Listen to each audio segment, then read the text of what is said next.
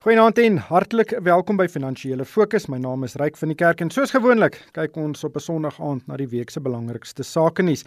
Ek het twee gaste uit Hermanus gesels, Skalk Lou. Hy is 'n portefeuljebestuurder by PSG Wealth. Goeienaand, Skalk.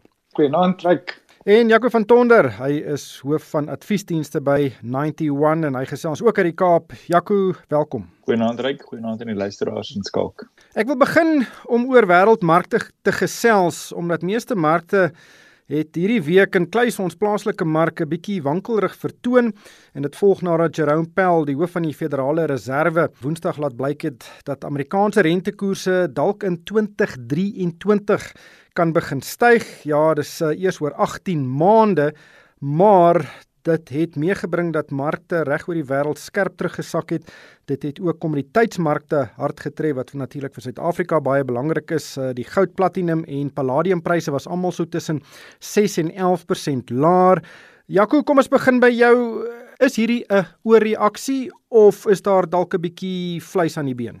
Ryk, dis hierdie is 'n verskriklike interessante verskynsel uh, en dis nie die eerste keer dat dit gebeur nie vir 'n geruime tyd nou al het um, groot internasionale verskansingsfondse posisies ingeneem met ander woorde hulle het beleggings gemaak in bateklasse wat sal buitmaak uit uit 'n onverwagte verhoging in inflasie in Amerika. So die groot bekleierery in Amerika op die oomblik is rentekoerse is op historiese laagtepunte vir verskriklik lank as gevolg van ekonomiese stimulusprogramme wat nou al 'n geruime tyd kom en wat net nog meer aggressief is nou onder COVID uh en ook met meneer Biden se verkiesing. So die groot debat in Amerika is wanneer inflasie weer sou terugkom en wat dit sou dan doen is om die Federale Reserve Raad te forceer om uh, rentekoerse weer op te stoot terwyl dit heidaglik in die FSA met tussen 0 en 'n kwart persent is feitelik niks nie. So dis die groot debat in Amerika die hele jaar nog is wanneer gaan ons die eerste tekens begin sien van inflasie wat dan die Federale Reserve Raad gaan forceer om hulle posisie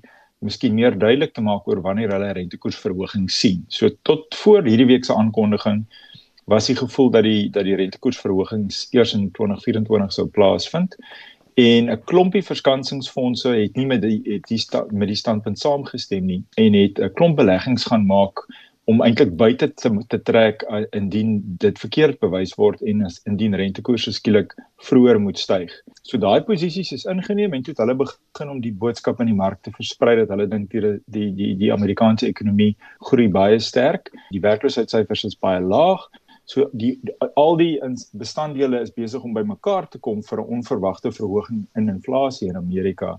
En en wat basies dan nou hierdie week gebeur het was dat dit het gelyk asof dit korrek is. Die onverwagte verhogings en en skattings veral van die Federale Reserve Raad se kant af oor wat kerninflasie in Amerika volgende jaar gaan wees is nou bietjie hoër as wat dit was.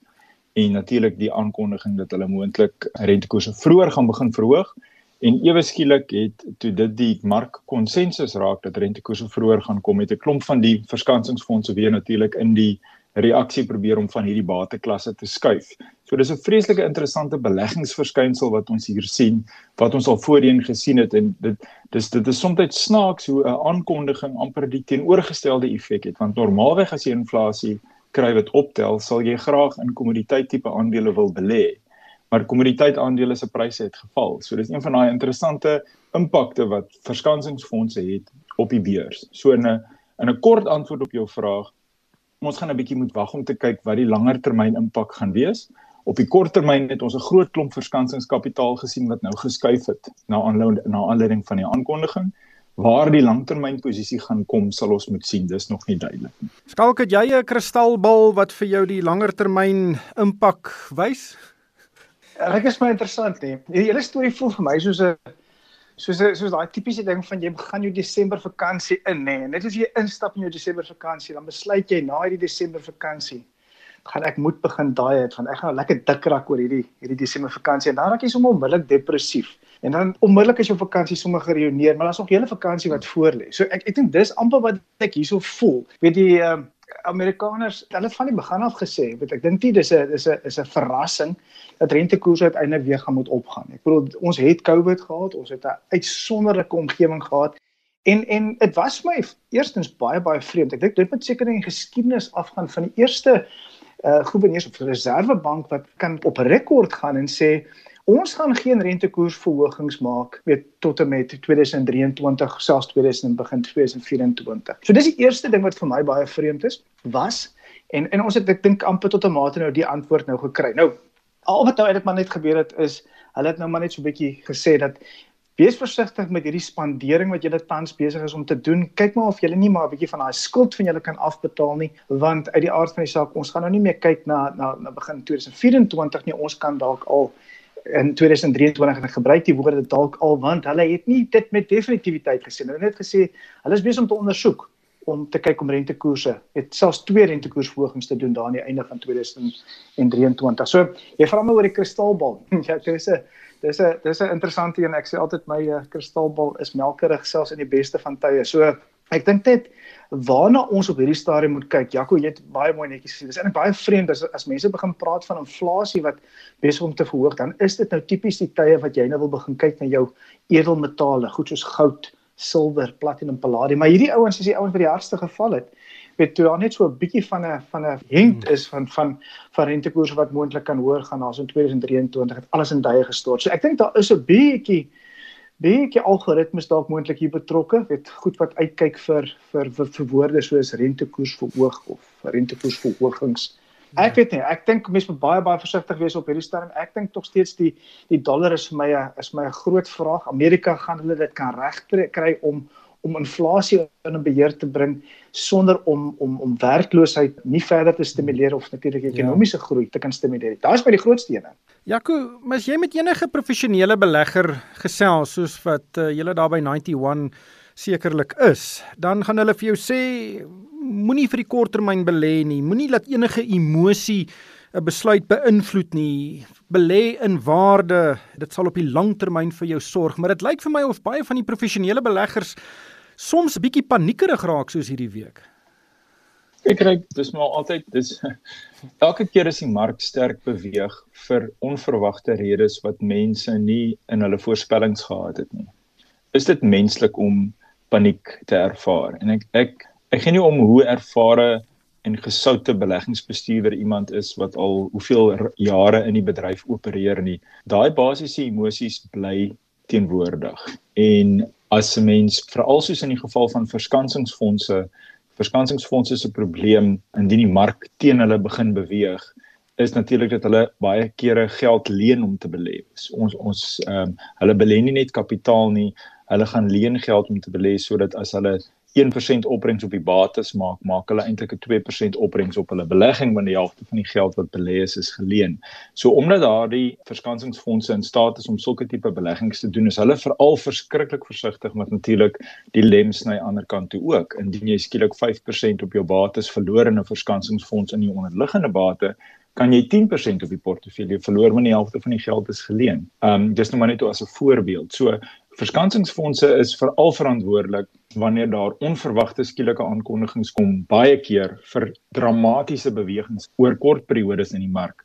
En as jy dan met 'n gewone normale fondsbestuurder praat wat nie 'n verskansingsfonds bestuur nie, maar wat 'n gewone hulle koop bates met kapitaal, daar's nou eens lenings betrokke nie, sal hulle vir jou sê hulle ehm um, hulle wag vir geleenthede soos wat ons hierdie week gehad het om bates te koop wat hulle dink dan juis goedkoop op die mark beskikbaar is omdat seker van die ander spelers in die mark besig is om te probeer om hulle posisies te verander. Dis fascinerend om te sien hoe jy heeltyd hierdie trek en stoot in die in die mark het.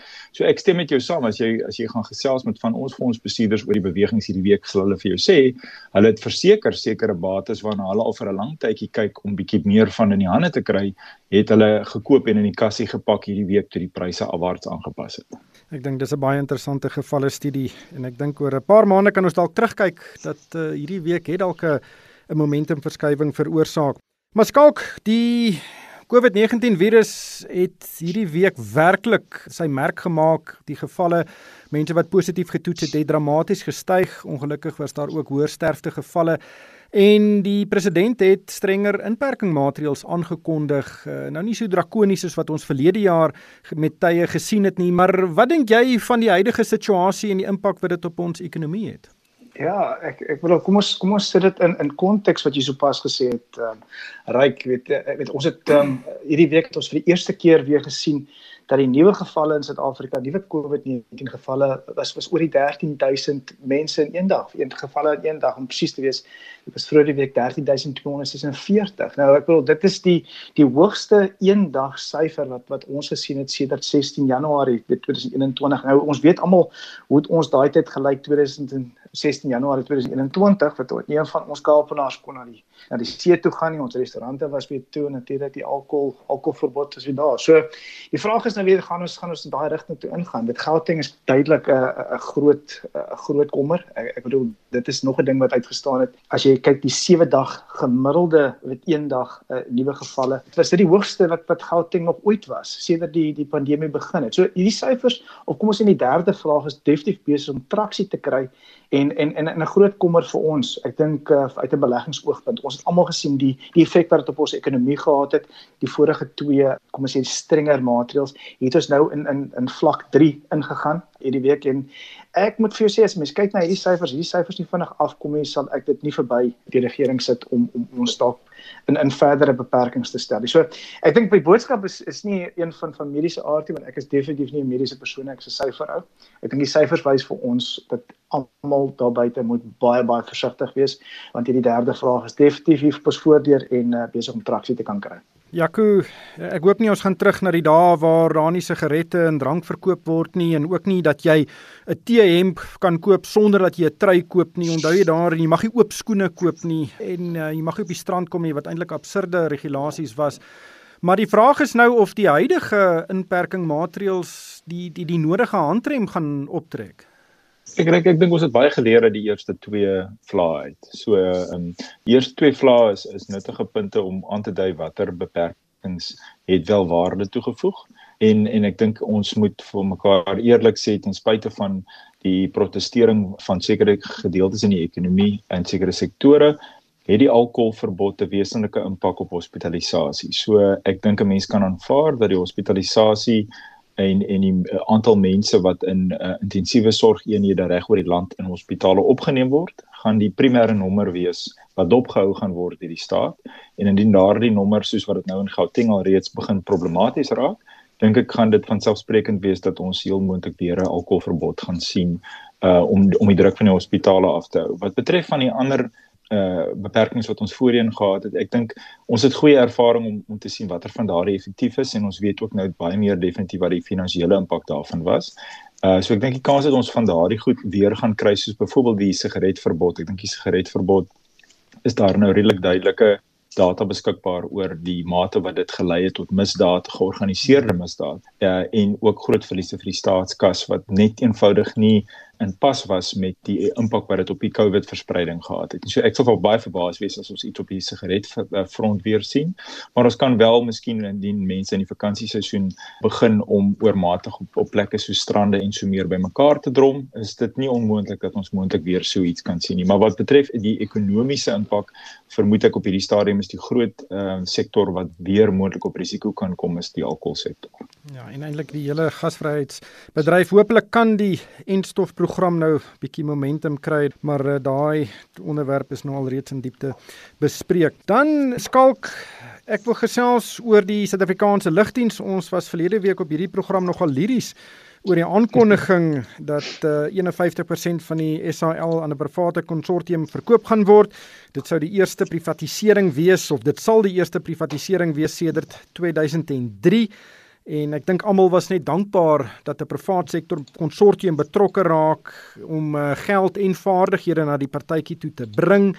Maar dit blyk nou dat daar 'n paar vraagtekens hang oor die privaat sektor partye. Daar's verskeie ANC mense wat nou betrokke is daar skynbaar en die transaksie voldoen dalk nie aan die regering se eie wetgewing nie en dat die departement van openbare ondernemings dalk net 'n bietjie te vinnig op die sneller was om hierdie transaksie aan te kondig. Uh, hoe, hoe sien jy tans uh, die die die situasie met in, in weet in aggenome dat ons regtig baie min weet van die uh, meganika van die transaksie? Reg, ek dink kos begin by jou eerste punt. Ek dink jou vraag oor weet ons was almal weet op die punte van ons stoele. So ek dink die heel eerste punt is ek dink dit was 'n positiewe instelling ten minste gewees om te kyk. Ek dink ons almal was baie baie bang toe ons vroeër jaar gehoor het dat uh SAL gaan weer gered word in aanhalingstekens en en ons is weer bang dat daar is baie belastinggeld wat agter die ding ingegooi word. So ek dink privatisering is is definitief 'n baie positiewe ding gewees vir vir SAL. Ek dink uh, dat daar nog baie water in die see moet loop. uh, ek dink dit is definitief die geval. Ek ek dink die die mense die, die partye wat hier genoem het, uh, daar's beslis dis dis vraagtekens en veral as 'n mens kyk dat die die belang praat ons van 'n van 'n meerderheidsbelang 51% wat uh, die beskikbaar is in SAL, dan moet hulle baie seker maak dat die partye wat betrokke. Ek dink ons um, as hy gesegde ons wat wat in Engels sê, it fool me once, it shame on it shame on you and fool me twice, you know, shame on me. Ek dink ons ons was nou al gevoel in die Engels sal sê oor die laaste 5, 6 jaar met 'n paar van hierdie hierdie tipe van transaksies. Ek dink ons as Afrikaners wil weet dat wat ook al die besluite wat hier gemaak gaan word, gaan gaan die regte besluite wees vir die land interessant is om te kan sien. Ek dink ons het 'n paar interessante aankondigings gehad. Weet ons het laasweek het ons gehad met Burger King wat wat gestop was deur die kompetisie kommissie oor die situasie. So ek ek dink dit sal dit sal goed wees om te kan sien weet hoe gaan die hoe gaan die regulatoriese omgewing werk uh, rondom SAL. Weerens dink ek kan nog 'n bietjie water in die see loop, maar my opinie in kort, ek dink is 'n is 'n positiewe ding om die, die uh, SAL te privatiseer. Ek hoop hy kan ek bedoel dit is mos ons trots. Is mos nou net weet goed om jou eie lugredery te hê en ek hoop hulle kan hierdie hierdie SAL regkry sonder om vir ons as land uh dieper in die in die in die, in die, die skuldvlakke te plaas wat ons tans is. Ja, sonder dat belastingbetalers uh, enige mm. cheque skryf en ook dat pensioengeld gebruik word en dit is een van die vrese op die oomblik. Jaco kortliks uh jou gedagtes?